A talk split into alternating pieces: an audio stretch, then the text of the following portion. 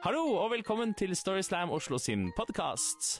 Eh, mitt navn er Audun Lynga. Jeg befinner meg i et studio sammen med en sekk med organer som heter Karoline Marie Enoksen. Hallo til deg. Hei. Yes, Var det litt uhøflig? Nei, det var bare veldig ulekkert. Ja, men det er jo sant. Ja. Eh, eh, historiene vi skal høre i denne podkasten, ble fortalt på Storyslam Oslo sitt live arrangement den 1. mai 2017 på Kulturhuset i Oslo. Eh, og denne podkastepisoden er vel en slags uh, Hva skal man kalle det? En, uh, En hyllest til Det å bli eldre. alderdom. Ja, ikke alderdom nødvendigvis, men det å bli eldre, vil jeg i hvert fall si. Overgangene. Overgangene, ja. Ja. Hvor gammel er du, Karoline? Jeg er 28, Ja, jeg er 29. Ja. Så så vi røyner på en 30-årskrise, egentlig. absolutt. Ja. Det gjør vi. Mm. Jeg hadde jo heldigvis min eh, midtlivskrise da jeg var 17, så, så jeg slipper i hvert fall å gjøre det uh, mer. Ok. Ja. Um, har ikke så lenge igjen, for å si det sånn. Nei, det har var ikke du. nei. Eh, men første forteller i denne episoden her, eh, Marit Saltnes, hun eh, forteller om da hun nådde 40-åra.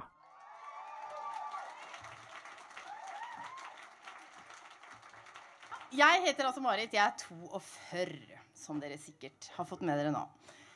Eh, Da jeg var i 20-åra Jeg ser jo det at det er veldig mange her som er i 20-åra. Da jeg var i 20-åra, så følte jeg at livet mitt lå foran meg. Jeg følte at jeg hadde all verdens muligheter. Jeg kunne velge hva jeg ville studere, hvor jeg skulle bo, hva jeg skulle drive med, interesser. Kom det til å bli noe kar? Skulle jeg finne meg noen mann? Komme til en barn? 30-åra, da de kom, så var det ei stor, lang ammetåke. Så da skjønner du jo hvor det endte hen. Så kom 40-åra. 40-åra, det skulle bli mitt tiår. Og jeg hadde store forventninger til 40-åra, for jeg hadde lest i Tara det at 40 is the new 20. Så jeg gleda meg utrolig til 40-åra. Og jeg tenkte at da skulle jeg utvikle meg sjøl, jeg skulle gjøre kjempemye spennende ting. Jeg skulle gå og pushe grenser, uh, gå høye fjell i masse metaforgreier. Eh, så det gleder jeg meg veldig til. Første uka jeg var 40, begynte jeg på å svømme. Butterfly, alt bare gikk helt smooth. Andre uka tai chi, alt, fiksa det helt fint.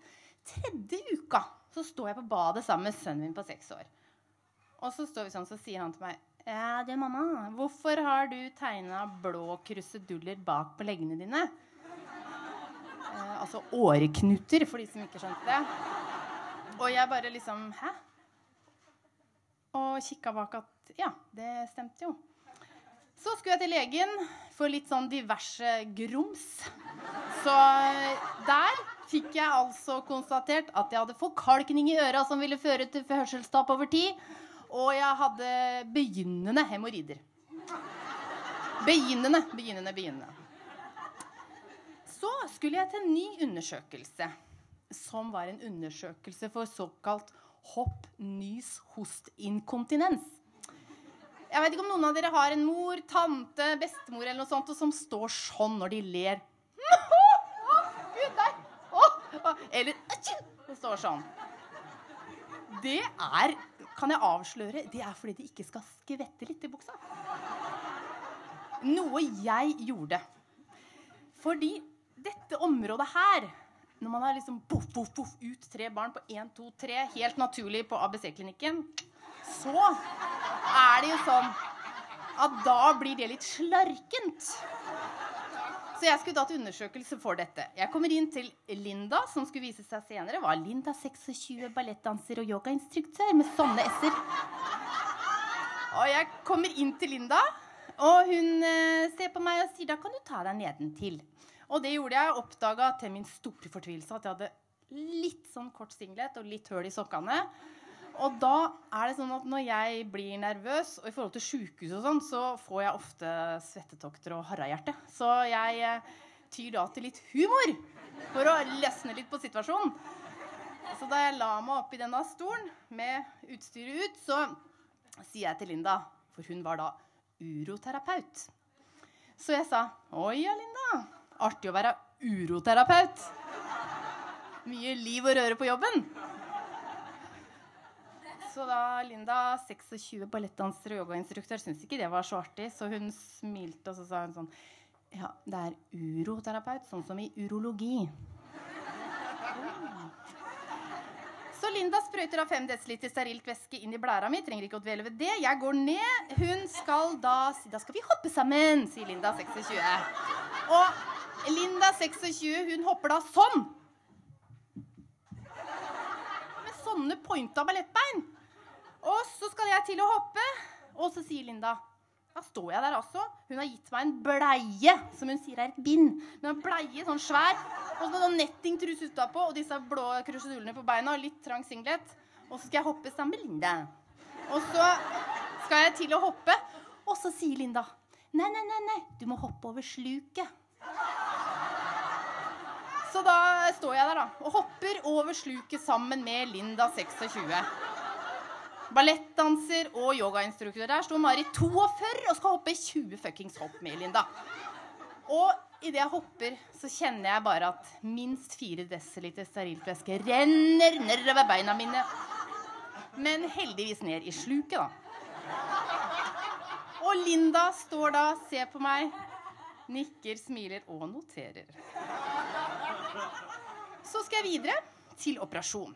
Jeg blir rullet inn, blir undersøkt av han anestesisykepleier Steinar, ansatt på gynekologisk avdeling. Atter en veldig ydmykende situasjon. Han sier til meg at jeg må ha operasjon. Jeg ruller inn, får godsaker i åra. Men da klarer jeg likevel å si sånn. Så sier jeg sånn til uh, Steinar. Ja ja, nå skulle jeg liksom prøve det igjen, da. At jeg skulle være litt sånn artig. Sånn jovial i stilen. Så sier jeg sånn til Steinar. Ja ja, Steinar.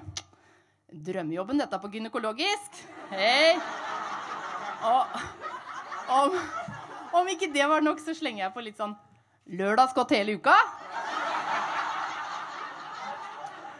Eh, ja.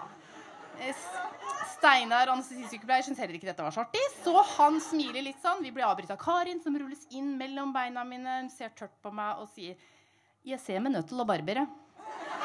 Så da var det sånn at da syns jeg liksom ydmykelsen var et faktum, så jeg sa 'Bring it on, girl', sier jeg litt sånn kjekt, da. Så jeg blir operert, og ikke lenge etter så skal jeg igjen til en ny undersøkelse. Og det er hos Stefan, gynekolog Stefan. Og han har det der glatteste håret, den mykeste huden og de reineste hendene du bare kan tenke deg å få inni deg. Og han skal da undersøke meg.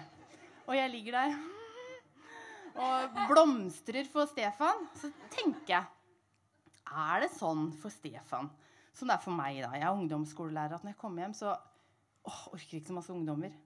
Sånn som en snekker som ikke orker å pusse opp hjemme, en kokk som ikke orker å lage mat hjemme. Er det sånn for Stefan? Og når han ligger og undersøker meg, så har jeg veldig lyst til å spørre han om det. Er det sånn for dere? Men jeg klarer heldigvis å la være. For hvis det er noe mitt 40 andre året, da var jeg i 40 da, 40 år i livet har lært meg, så er det at noen kommentarer kan man holde for seg sjøl. Så eh, det å være Marit 42 har vært en litt sånn brå gang. Men en ting jeg er sikker på. Jeg har den tighteste blæra på Youngstorget.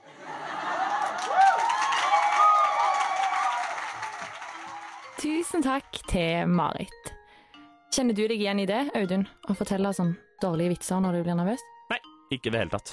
Eh, mine vitser er alltid eh, godt gjennomtenkt og forberedt, eh, og basert på logikk og syntaks. Ja. Som tidligere lyttere av denne podkasten vil kunne attestere. ja. Ja. Altså, de er alltid politisk korrekte. Helt alltid. Mm. Ja. Eh, neste forteller er Lina Hindrum. Eh, og ja, hun hadde også hun hadde en annen strategi eh, når hun ble eldre.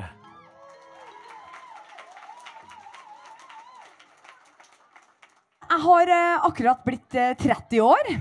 Og eh, ja, uh, gratulerer med dagen, Lina. Og det har gått virkelig ganske bra. Uh, fordi jeg har bare hatt uh, Jeg hadde 30-årskrise i én dag. Hvor jeg da farga håret blått, uh, googla Botox, very cheap, og drakk meg dritings. Men etter det så har det liksom gått greit. Jeg har liksom lagt den Botoxen bak meg. Men når jeg var 20, da hadde jeg litt sånn livskrise. Eh, jeg hadde aldri hatt en kjæreste. Og jeg hadde vært veldig lite seksuell aktiv. Og det er liksom sånn flaut eh, når du er 20 år og har vært sånn lite seksuell aktiv. For alle venninnene mine de var veldig seksuell aktiv. Noen var så seksuelt aktive at de hadde også ja, blitt eh, mor. Um, der var ikke jeg. Det var veldig lite. Jeg har hatt sex, men det var ja, flaut uh, lite. Så sånn, og jeg er ikke kristen engang, så det er sånn å. Eh, det var bare for at uh, Ja, ja det, sånn er det. Men Så jeg tenkte her må jeg gjøre noe med. Jeg må gjøre noe med livet mitt. Så jeg bestemmer meg for at jeg må flytte da til en annen plass enn Trondheim. Jeg flytter til København, Danmark. For der er jo folk veldig seksuell fri og alt det der. Så ja, mm, det var ikke det som var målet egentlig ja, med å flytte til Danmark. Det høres litt sånn for å hore meg. Nei. Men eh, på det tidspunktet så er det jo eh, sånn økonomisk krise i Danmark. Vi hadde ikke hørt noe om det i Norge, for vi er jo så rike. Eh, men det var det i Danmark, så det var liksom vanskelig å få jobb. Og jeg kjente jo folk som bodde i Danmark da, så det var, jeg flytta liksom ikke helt, uh, helt blank. Men de sa at det er så vanskelig å få arbeid. Altså, du får ikke arbeid. Nei, nei, nei. Uh, men jeg går rundt, og Printer ut CV. Går rundt og banker på masse dører. Var veldig mange dører som var låst, og sa nei. Men plutselig så går jeg forbi en leketøysbutikk. Jeg tenkte, ja, ja, må jo være åpen. Herregud, altså, Jeg kan ikke noe med barn og leker, men det er ikke så lenge siden jeg har vært barn, så det går greit. Så jeg går inn og spør her, kan jeg få snakke med sjefen. Uh, og jeg snakka med sjefen, og etter fem minutter så har jeg faen meg en jobb. Hun bare 'Du kan begynne bare neste dag'. Jeg får vite etterpå eller liksom senere at uh, grunnen til at jeg fikk jobb, det var fordi at uh, hun trodde jeg var svensk. For det er sånn som i Norge at liksom svensker de jobber, de jobber best. Og ja, hadde, Danmark hadde ikke hatt skam på det tidspunktet, så de skjønte ikke forskjellen på norsk og svensk. Uh, men herregud, jeg kan godt være svensk jeg, så lenge jeg får jobb. Uh, så jeg begynner å jobbe der. Det er veldig hyggelig. Det er veldig hyggelig butikk. Og i, det var sånn riktig lekerbutikk. Sånn ja, uh, politisk korrekte leker. Men de måtte jo tjene litt penger, så de hadde noe sånn eh, merchandise, eh, som det heter. Altså sånn for et, det største eh, programmet på dansk TV for barn. Nemlig Bamse og kylling. Og det er liksom Mar Marcus og Martinius, bare at det er en bamse og en kylling. da. Men de var superpopulære! Og de hadde, de hadde da merchandise, og hadde, vi hadde blant annet noen gulvtepper med det her. Det var en bamse, og det var en kylling. Og så var det en som het Elling, som var en sånn mindre populær karakter eh, i det her showet. Men de hadde Elling, da. Det var en and som var litt sånn dum og sånn. Uh, og, og, ja, og jeg jobba jo med da, to uh, veldig flotte, blonde danske jenter. ikke sant? Danskene er jo veldig pene. Og de var jo veldig sånn fri. De hadde i hvert fall mye seksuelle opplevelser. Mer enn jeg hadde. Uh, og vi ble veldig veldig gode venner. Uh, og vi begynte å gå ut på byen. Og veldig mye på byen. Sånn at det med jobb og uh, fest går liksom ikke hånd i hanske alltid. Så var vi ute på byen, så sier hun sånn her Nei, men vi kan jo bare overnatte i butikken. Fordi at så våkner vi jo bare litt på arbeid. ja du, men jeg var jo litt redd. fordi at liksom, jeg hadde jo, Det var eneste jobben min. Jeg var redd for at herregud, det her kan gå til helvete og miste jobben. Jeg har ingen backup. Så jeg dro hjem. Neste dag kommer jeg på jobb, eh, bakrus og helt jævlig, så sier jeg jeg har sovet i butikken. Eh, og ikke alene. Nei da, hun hadde hatt med seg en mann i butikken og ligget da oppå det her bamseteppet og knellet. Fuck, ass! Danmark, Danmark, Danmark. Men det gikk jeg sport i det her. fordi at hun andre jeg jobba med, hun kom neste uke og sa Jeg har knellet i butikken, men eh, på kylling. Og de ble veldig fort enige om at her skal du. Det ble liksom kvinndomsprøven. Her skal du. Det liksom, Du skal nå knelle på Elling. Som er sånn å. Og jeg gikk ut gikk ut på byen, og jeg hadde ikke sånn her eh, super uh, selvtillit, og sånn, så jeg bare endte med å drikke meg dritings.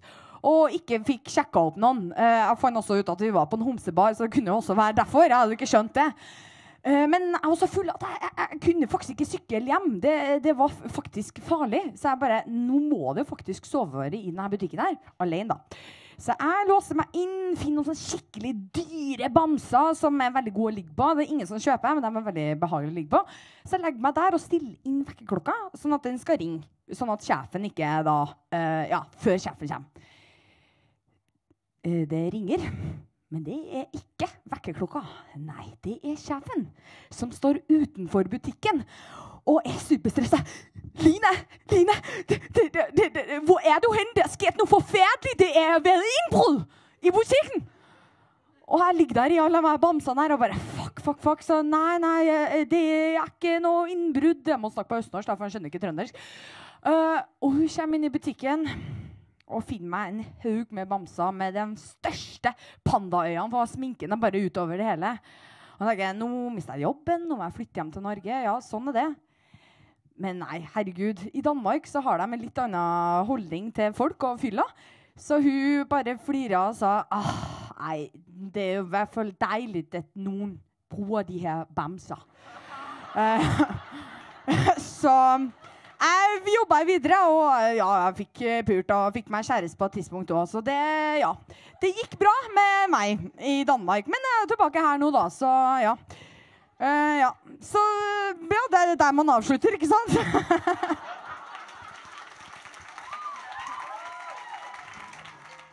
Takk til Lina.